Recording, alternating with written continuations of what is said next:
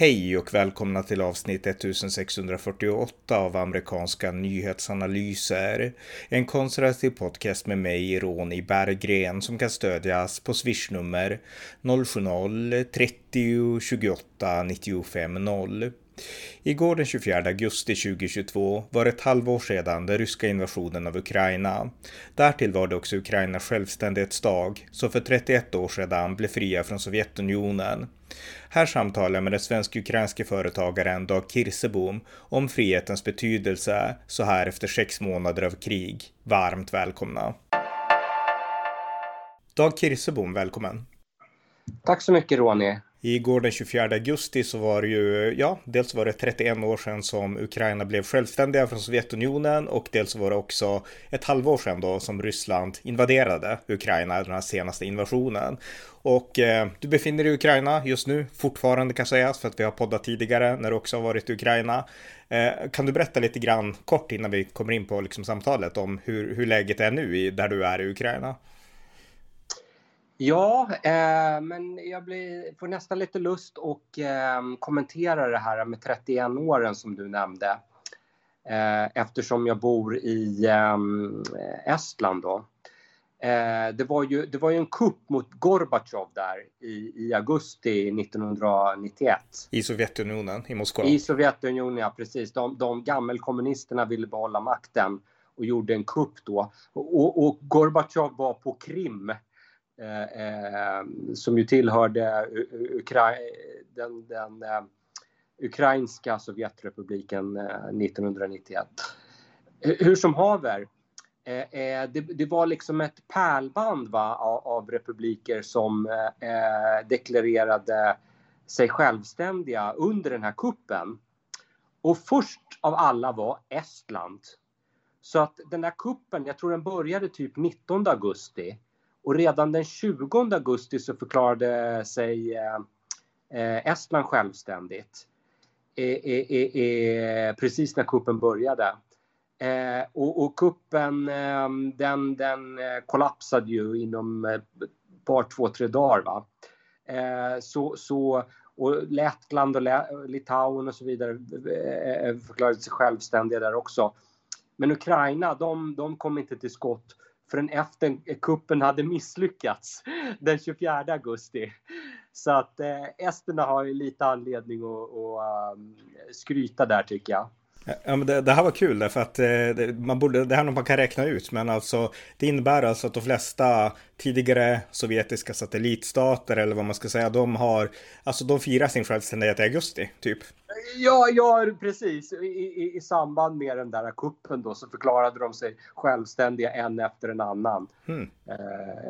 Jag kan inte detaljerna med alla, men, men jag tror att att eh, Lettland och Litauen var ganska snabba också. Men, men Estland var först i varje fall då, precis när kuppen började. Mm. Ja, det visste jag inte. Det var, det var jätteintressant. Men som sagt, du är själv på plats i Ukraina just nu. Du skickade mig ett fint vykort för några veckor sedan från Ukraina. Det är en, ja, jag antar att det är en ukrainsk soldat som ger fingret åt ett ryskt eh, stridsfartyg där någonstans i något ukrainskt vatten. Ett, ja, en charmig, charmig bild och eh, sådär som, som jag är tacksam för. Men hur, hur är situationen nu i Odessa där du är? I, man får väl nästan säga att det är lite bättre för att eh, när jag kom då, då, då var det ju, då, då såg man inte en enda båt äh, äh, ute på Svarta havet. Men nu, nu, nu ser jag ju skepp som åker varje dag äh, fram och tillbaks till hamnen då. då. Så, så den här, det, det, det, fungerar ju helt uppenbart den här överenskommelsen om att Ukraina får exportera vete och, och, och majs och så vidare. Eh, men, men det är också ganska uppenbart att det är ju, eh, eh, det, det, är ju inte samma volymer som det var före kriget. För att före kriget, då kommer jag ihåg, då kunde man ju se på redden liksom på, på kvällstid. Då kunde man ju se ljusen då, eh, att det var, var massor med skepp, eh, massor med fartyg som låg liksom i kö va, för att komma in till hamnen. Nu, nu är det ju, ja, Ja, jag har inga siffror på det, men det är helt uppenbart eh, mycket, mycket mindre. Mm. Men vi får väl hoppas att det successivt ökar nu då. Har det varit något firande då? För att jag har sett nyhetsklipp från Kiev och där har det varit firande och liksom minnestal och grejer och sådär, Zelenskyj talat och så vidare. Men har det, har det synt något sånt i Odessa? Nej, jag har inte sett någonting och, och snarare så har det ju varit varningar liksom att man ska Eh, vara extra försiktig och inga folksamlingar och så vidare. Och jag har ju en app då i mobilen med eh, när det är sådana här flyglarm. Och, och eh, det, det var eh, väldigt många larm igår. Det, det är den 24 augusti då. då. Eh, fler, fler än någon annan dag vad det har varit. Och eh, för, för det var så här att Ryssland, man befarade och det blev tyvärr också så att Ryssland skulle bomba extra mycket på den här självständighetsdagen för att markera sitt, eh, ja, sin dominans då så att säga. Och eh, tyvärr så dog 22 människor när ryssarna bombade, jag tror att det var om det var en buss eller tågstation i alla fall. Så att de mördade 22 ukrainare på, på självständighetsdagen igår. Mm, jag tror till och med att det är uppe i 25 nu. Mm. Men, men Alltså, det, det, låter fruktansvärt att säga det, men det var väl nästan att man hade förväntat sig eh, värre än det blev då. Eh, för att eh, de skickar ju missiler hela tiden, så det var lite fler missiler än vanligt ungefär. Det, det är väl den reaktionen mm. man, man, känner här. Ja, Eh, och sen så, det, det har ju hänt en del andra intressanta saker också. Dels så har Boris Johnson, han kommer ju lämna ämbetet då som premiär, premiärminister i Storbritannien ganska snart. Men han har ju blivit en hjälte i Ukraina, därför att han är en av, eller han är väl den europeiska ledare som tydligast har stått upp för Ukrainas rätt att försvara sig och gått emot Putin och sådär. Och han besökte Kiev, han besökte Zelenskyj igår tror jag till och med. Och eh, det var ju såklart ett välkommet, alltså han vart välkomnad som en slags, ja men en vän till Ukraina och liknande. Och eh, jag tycker ändå att det var stort att han, han kom dit igen trots att hans liksom, karriär nu är snart slut. Ja, det, det är ju eh, eh, ukrainarna eh, och jag också känner ju att eh, han är verkligen en hjälte. Alltså det, det är ju eh, eh, Ukrainas största vän av alla och det, som du nämnde, igår kom han igen då, det är tredje gången han har varit på besök. Eh, och, och, och, så, och så eh, liksom, jag, jag är ju inte så jätteinsatt här i brittisk politik men, men det känns ju helt absurt. Alltså, här är det krig och han verkligen är den fria världens ledare. Va? Jag skulle säga det, inte Biden utan eh, Boris Johnson är den fria världens ledare här. Eh, och, och, och, nej, men då, då, då, får han sparken liksom på grund av att det var, varit någon fest i trädgården. liksom. Nej, jag vet inte. Det, ja, det känns det, helt sur surrealistiskt. Ja, I Ukraina förstår jag det. det. var lite mer komplicerat än så också. Men, men sak samma, det, det, är ett annat ämne. Men, men jag tänker också, en annan nyhet när vi kommer in på liksom att titta tillbaka lite grann. Det är att man pratar nu om att kärnkraftverket i Zaporizjzja, eller hur man nu säger, att det är bortkopplat från elnätet och att ryssarna, de, de har ju liksom tagit över det och att det här kan innebära faktiskt en ja, i värsta fall, man tror inte det, men, men, men det, det går inte att utesluta heller, alltså en härdsmälta och alltså en total kärnkraftskatastrof. Och jag kollar på en karta här och eh, Zaporizjzja ligger alltså ganska långt österut och du, du befinner dig väl kanske inte i närheten, men, men pratas det något om, om det här eh, i Odessa? Ja, ehm, eh, det, det, det, är ju väldigt mycket i nyheterna om det här eh, kärnkraftverket eh, som är Europas största kärnkraftverk. Det är ju sex reaktorer. Mm. Men, men, jag tycker det är li, lite, eh, har, har liksom ehm, eh, bakgrunden fallit bort. Va? Att man, man förstår inte riktigt eh, logiken i det som händer. Eh, eh, eh, och, och vi hade en liten diskussion idag på, på din Facebook-sida där, där du skrev en kommentar. För, för saken var ju den att, att um, ryssarna tog ju det här området redan 4 mars. alltså efter en vecka i, eh, av kriget. Eh, eh men men jag, jag menar, det, det, från det här kärnkraftverket då så går ju ledningarna, elledningarna, de går eh, liksom norrut. Va? Eh, eh, eh, och, och, det eh, norrut, det, det eh, territoriet kontrollerar ju Ukraina fortfarande. Så, så, så det blev en liten konstig situation här, va? att ryssarna har liksom tagit över kärnkraftverket men, men all elektricitet som produceras där går ju fortfarande till Ukraina. Och, och det, var ju, det är ju ingen bra situation för Ryssland då utifrån deras perspektiv. Eh, eh, men, men så här kärnkraftverk kan man ju inte bara stänga av hur som helst. Och så, där. så, så galna är ju inte ryssarna att de inte fattar det. Va? Så, så de först, först försökte, de på, eh, försökte de sig på en riktig fräckis. Och då sa de så här, nej men nu har vi det här kärnkraftverket. Men, men eh, Ukraina, ni, ni, kan ju få köpa elen av oss. Alltså du förstår, mm. mitt i brinnande krig liksom så ska då Ukraina på något sätt köpa elen av Sin Ryssland. Egen el. Mm. Ja, nej men det sa de på fullt allvar. Eh, eh, eh, för att liksom situationen var ju som den var. Men, men eh, det, det, gick ju inte Ukraina med på. Men en, hela den här perioden då Eh, eh, medan kriget har pågått så har det producerats el i det här kärnkraftverket och elen går till Ukraina. Och Ukraina till och med exporterar el nu till, till EU-länder och tjänar pengar på det. Så, så äh, äh, ryssarna är ju, de är ju jättemissnöjda med den här situationen. Och, och ja, det senaste då, då som du kommenterade det är att de, de skulle vilja då, äh, att elen skickas äh, till Ryssland istället. Men jag menar, det, det, det, fattar ju vem som helst. Det, man behöver inte vara ingenjör för det. Det går inte bara du, du, bygga liksom ett sånt där system att skicka elen någon annanstans. Det är ju jättekomplicerat. Mm. Eh, så, de, de, så överväger de då att stänga ner kärnkraftverket så att åtminstone inte Ukraina ska få den här elen. Men som sagt, det är ju väldigt komplicerat också. Så att ehm, ja, vi får se vad som händer nu då. Det senaste är väl i varje fall att eh, IAEA e ska eh, försöka skicka ett, ett eh, team dit för att eh, kontrollera situationen. Mm.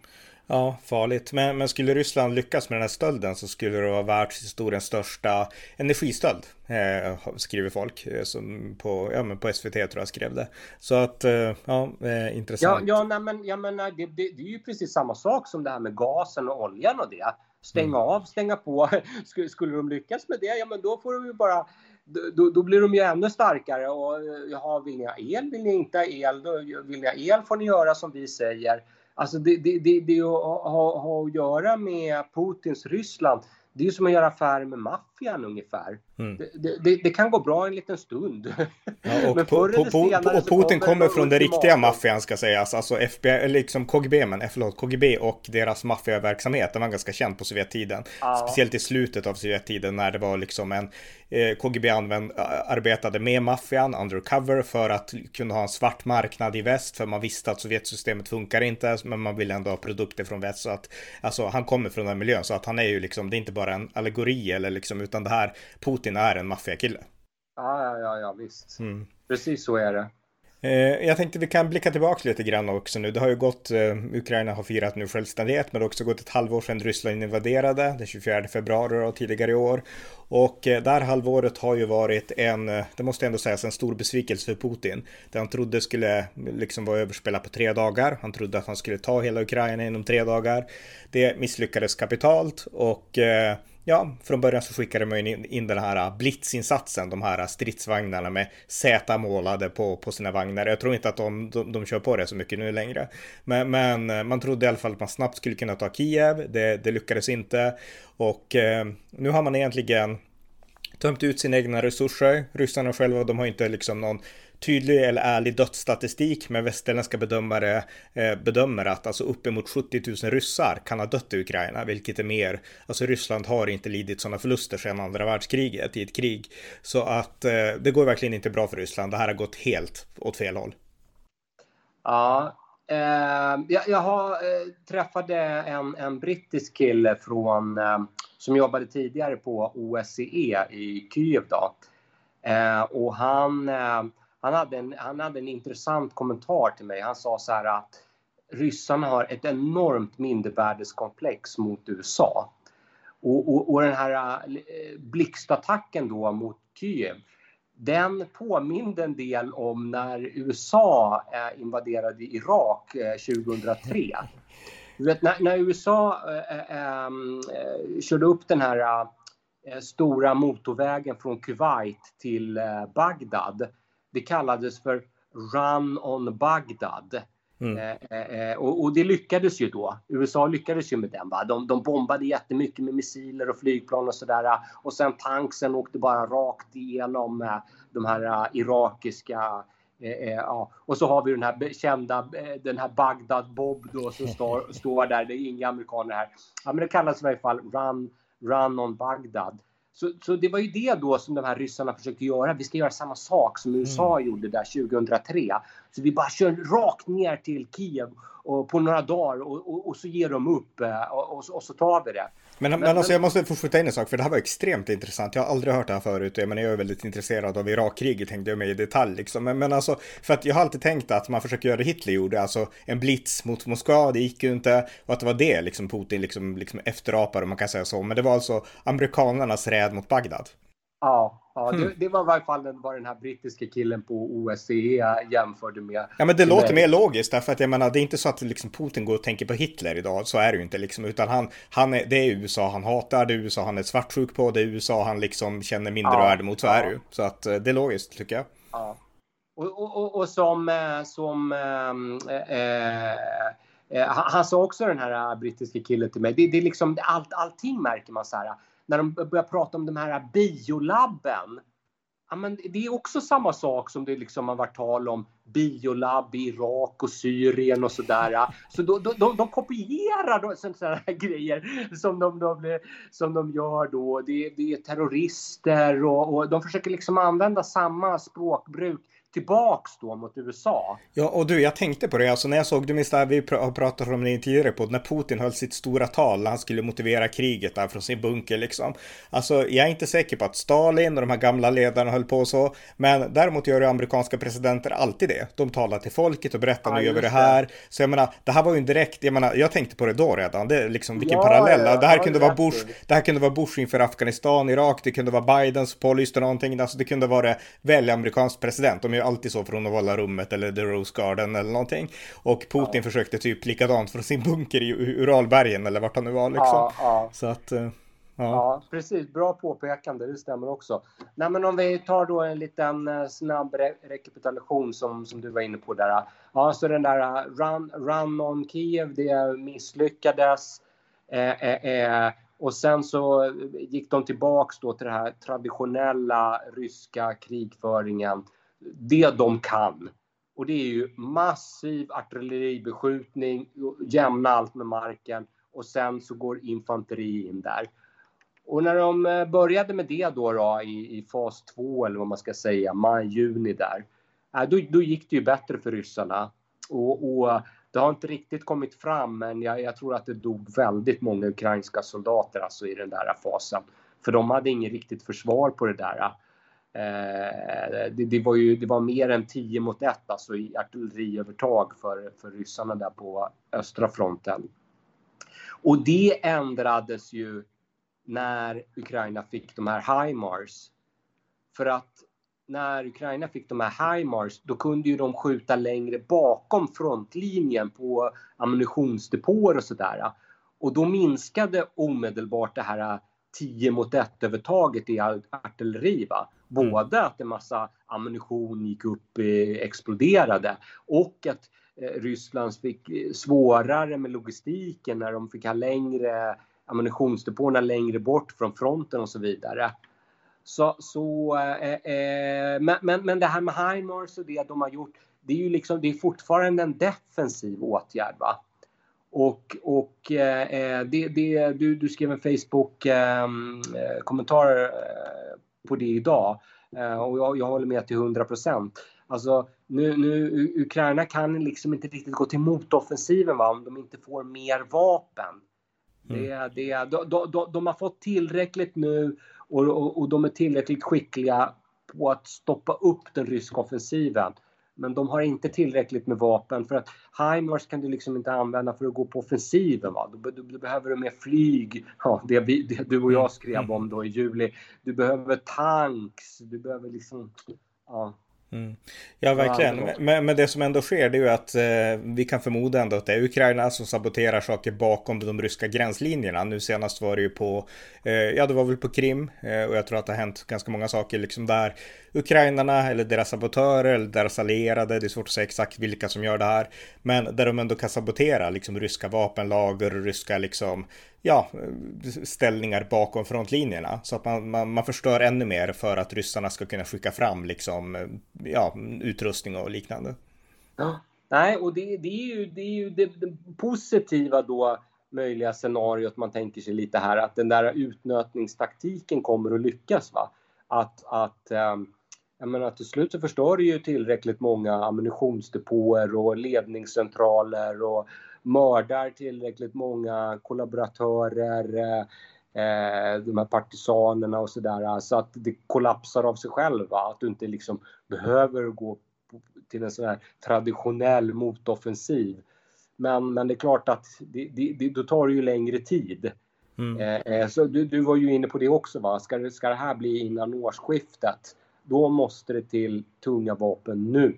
Mm. Annars, så, annars så kommer det här uh, dra ut på tiden tyvärr. Ja men vi, vi, kan väl liksom hoppa fram till slutet här då för att nu är situationen så här. Eh, Ryssland kommer inte att kunna ta Kiev. Eh, det, det, är i princip omöjligt. Men eh, det är också ganska mycket dödläge där i östra Ukraina. Det, det, det, är svårt för Ukraina att ta tillbaka de här områdena och snart kommer vintern och då kan de här liksom parterna gräva ner sig ännu mer i sina ställningar. Och de flesta analytiker de bedömer att Putin räknar med att väst ska bli trötta, att väst ska ge upp och han räknar med att hans och det ryska folkets eh, uthållighet är mycket större än väst, västs eh, uthållighet. Och eh, inte minst därför så är det av högsta vikt att snabbt liksom beväpna Ukraina nu så att de verkligen kan vinna. Därför att eh, alltså Putin spelar verkligen ett spel. Han har inte gett upp. Det går helt värdelöst för Ryssland och eh, han har kallat in, eh, nu såg jag idag senast så skrev han under en ny lag så att man ska kunna ta in typ 200 000 extra soldater från befolkningen antar jag. Och eh, han har skickat, han, han släpper folk fria från fängelser, precis som Stalin gjorde, för att de ska kunna slåss i Ukraina. Så att de här utbildade soldaterna, de blir färre och färre och Putin skickar in liksom alla han kan hitta ungefär, vilket är en, liksom, en handling av desperation. Men likväl, trots att det går värdelöst, den ryska ekonomin sjunker, alltså den gör verkligen det, den stryps, eh, så, så ger han inte upp, utan han räknar med att i slutändan så kommer väst att liksom tumma först, alltså de kommer att blinka först, därför att väst vill inte frysa vinter, de är fortfarande beroende av rysk energi och eh, om vi bara håller ut som vi gjorde under andra världskriget och viker sig väst till slut. Det är så Putin tänker. Och ja. jag tycker att vi måste verkligen förstå att det är så här Putin tänker. Så att vi då kan besluta ja. oss för att vi kommer aldrig att låta Putins strategi lyckas. Ja, ja, ja.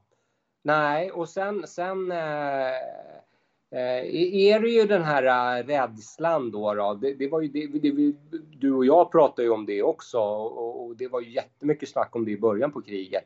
Om det här med kärnvapen och tänk om man använder kärnvapen och dittan och dattan. Eh, men, men det finns ju i någon slags mening där fortfarande. va det här att tänk om, om det verkligen kollapsar och om Ukraina verkligen lyckas gå snabbt på motoffensiven och till och med kommer in på Krim och sådär. Och, och eh, det, det, det, jag tror det fortfarande är en anledning till att, att eh, väst inte gör som du säger, mm. massivt. Jag, jag, jag, tror, jag tror de, de, de, de överanalyserar situationen helt enkelt. Ja, det är liksom, vi måste vara försiktiga. Ukraina får inte vinna för stort för snabbt för då, då, då kan det bli panik där liksom i Kreml och då trycker de på knappen och, mm. och sådär. Men, men, men ja, jag tror du är inne på rätt spår. Det, det, det är liksom det är som, som ett plåster, va? du måste dra av det snabbt. Det, det, ja. det, det, blir inget bättre alls av att dra ut på det. Verkligen, men, men två, två tankar om den saken. Dels ska jag säga att USA har verkligen trappat upp nu sitt stöd. De fortsätter det militära stödet. De planerar, de skickar varje dag alltså massvis av leveranser och de är mycket mer bättre på att stödja med vapen än vad Europa och framförallt EU är. Så att USA, alltså nu pumpas det in militärt stöd i Ukraina. Så USA, Biden, tack till Biden för det liksom. Han har inte gett upp på Ukraina. Så att det är ändå glädjande. Eh, samtidigt som när det gäller kärnvapen så, alltså vi minns ju båda två och kanske alla som lyssnar också, den retorik, alltså en väldigt farlig aggressiv retorik som Putin hade och liksom eh, hans regim hade då där i ja, men, februari, januari, början av kriget. Den har de ju tonat ner nu och nu börjar liksom regimen att prata om att kärnvapen är för farligt, vi ska inte använda kärnvapen. Och visst, man kan liksom, man ska inte liksom lita på Putin-regimens ord, liksom de, alltså att tala med kluven tunga, det är en lång rysk totalitär tradition, eh, speciellt rysk tradition. Och och eh, så det går inte att lita på dem. Men det känns likväl som att ryssarna fattar att vi håller på att förlora. Och eh, om man förlorar, då vet man ju att eh, Alltså man kan inte vinna ett kärnvapenkrig heller, så att det känns som att det är någon slags, det, det, är alltså en rationalism som har slagit in i den ryska regimen som går helt på tvärs med hur vi tänker i Sverige till exempel. För här tänker vi att om vi bara är snälla, då är väl de snälla. Men där är det tvärtom. Nu ser de att ja. det här går skit, det går värdelöst, inget funkar och eh, ja, det är väl ingen vits att använda atomvapen heller, därför att det är ändå inget som funkar och då, jag menar, då kommer vi också förlora om USA går in med sina atomvapen. Så att, eh, så, så jag menar, det kan mycket väl hända att det är liksom förlusten som nu gör att man backar från kärnvapen. Men alltså om man hade varit stark så kanske man hade använt dem. Jag menar, tänk andra världskriget. Tänk om Hitler, eller bara för att leka med tanken, tänk om Stalin hade kärnvapen och Tyskland och kanske väst också inte hade haft det. Tror att Stalin skulle ha dragit sig för att använda kärnvapen då när inget hotade tillbaka? Nej, jag tror inte det. Så att jag menar, den här liksom idén om att de blir snälla och vi är snälla, dels är den fel, men när vi är väldigt starka och när det går dåligt för dem också, då kanske de känner att kärnvapen, alltså vad, vad kommer vi att vinna på det? Ingenting liksom. Kanske, det är bara min tanke. Liksom, nej, men, utifrån nej, men, att de har ändrat retoriken.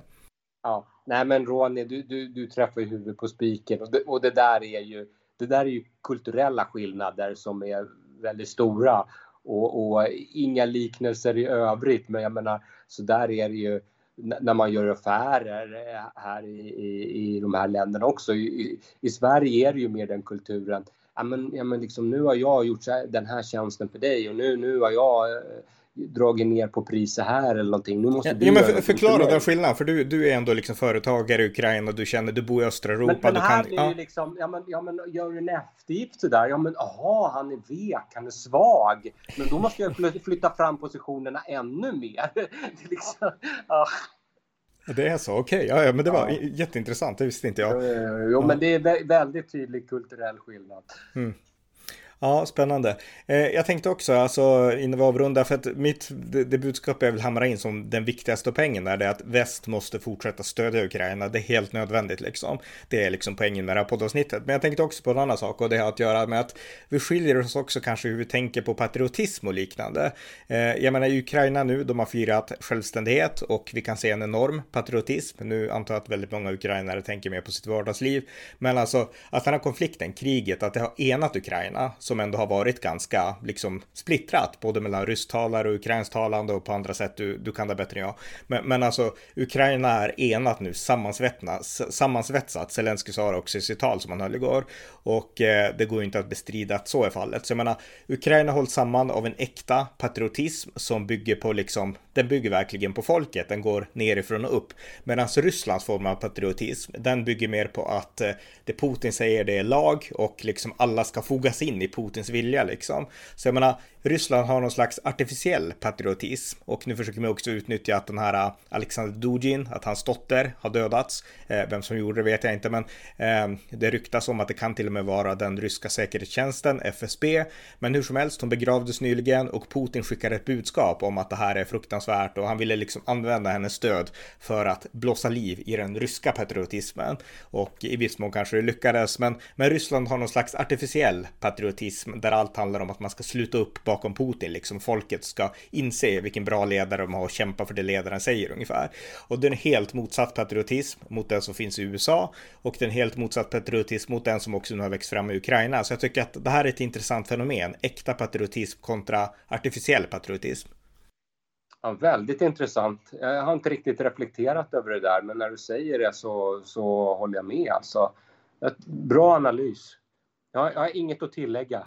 Jag är glad att jag pratar nu med en person som har varit i Ukraina hur länge som helst och har arbetat där och så, som ändå berömmer mig för mina Ukraina-analyser. Tack! Ja, varsågod! ja.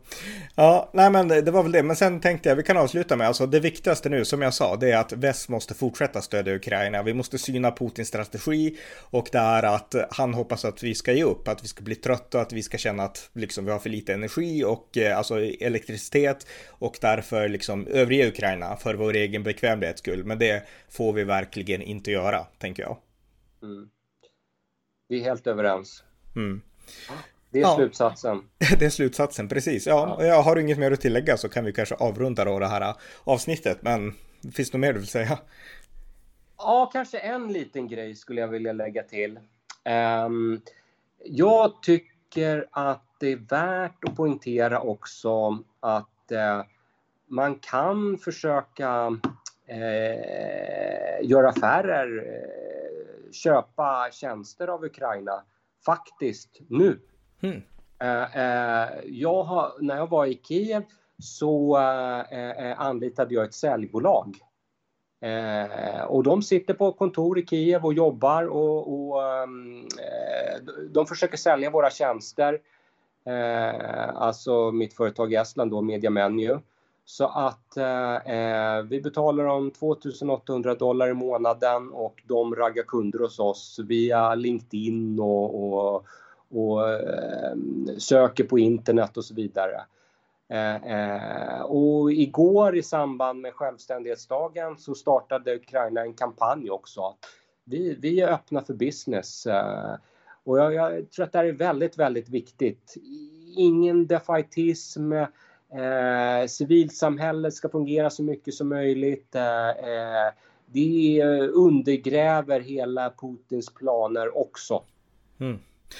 Otroligt bra. Jag brukar alltid mana alla i, i alla poddar, jag kommer göra i den här podden också, att liksom stödja, skicka pengar till hjälporganisationer. Men just det här att Ukraina, Ukraina är liksom redo för business igen. Ja, det, det, är ja. ju jätteviktigt budskap till alla företagare, för det tror jag många ja, inte förstår. Man kanske tänker på Ukraina som, inte vet jag, liksom Mogadishu eller vad som helst, men, men, men riktigt så är det inte alltså. Nej, nej. Absolut, precis min poäng. Mm. Det, det, jag är helt för att skänka pengar och, och, och eh, hjälpa på olika sätt eh, och sådär. Men, men, men eh, jag skulle nästan säga att det är bättre att köpa en tjänst för 2800 dollar än att skänka 2800 dollar. Det, det, det är, du, du, liksom, de känner att de, de gör någonting som, som eh, eh, eh, de skapar någonting själv, tjänar de här pengarna själv. Eh, och de har, de har gjort ett bra jobb hittills också. Mm. Så att, eh, nej men det är ett exempel där eh, säljarbete. Det, det, jag har fått massa sådana mejl liksom från företag i Indien och allt sånt där. Det verkar vara en bransch som växer. Att, att man, man har inga egna säljare utan man anlitar eh, säljbolag externt. Mm. Så, men det finns säkert massa andra tjänster också. Uh, ja. det, folk jobbar i, i Ukraina nu. Uh, så Eh, köp tjänster från Ukraina. Exakt, extremt bra tips till alla som lyssnar, alla entreprenörer och företagare. Köp tjänster i Ukraina om ni har nytta av sådana tjänster som finns där. Så för jag menar, det här är det bästa sättet som, som finns för att stödja Ukraina. Det är bättre än att bara skänka gåvor. Alltså att investera i marknadsekonomin och få ekonomin på fötter igen och få liksom den ekonomiska rullningen att börja igen. Jag menar, det finns inget bättre sätt, tror vi som tror på liksom Reagan och fria marknader. Så att stödja Ukraina genom att investera, det var ett supertips. Så med det sagt bra. så tack Dag för det här intressanta samtalet. Ja, tack Ronny. Ni har lyssnat till amerikanska nyhetsanalyser, en podcast som ni gärna får stödja på swishnummer 070-30 28 95 0 eller via hemsidan usapool.blogspot.com på Paypal, Patreon eller bankkonto. Stöd också valfri Ukraina-hjälp det är som sagt den västerländska uthålligheten som kommer att avgöra hur detta krig slutar. Om den ryska imperialismen vinner eller om det fria Europa värnar sina egna gränser. Bidra gärna i kampen för ett fritt Europa. Vi hörs snart igen. Allt gott tills dess.